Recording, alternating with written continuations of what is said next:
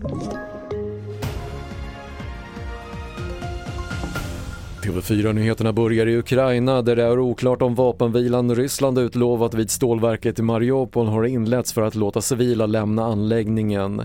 Civila som fastnat i Mariupol kunde lämna staden igår enligt FN men läget är fortsatt mycket kritiskt enligt Ukrainas utrikesminister. This evacuation is taking place under the auspices of the United Nations. So the reputation of the United Nations is also at stake in this process.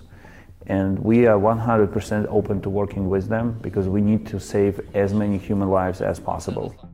Så till Kina där skolorna i Peking har beordrats att fortsätta hålla stängt minst en vecka trots att lovet runt 1 maj är slut och eleverna skulle vara tillbaka. Orsaken är smittspridningen av covid-19 och idag har 50 nya fall registrerats i Peking där restauranger och delar av tunnelbanenätet är stängt på obestämd tid.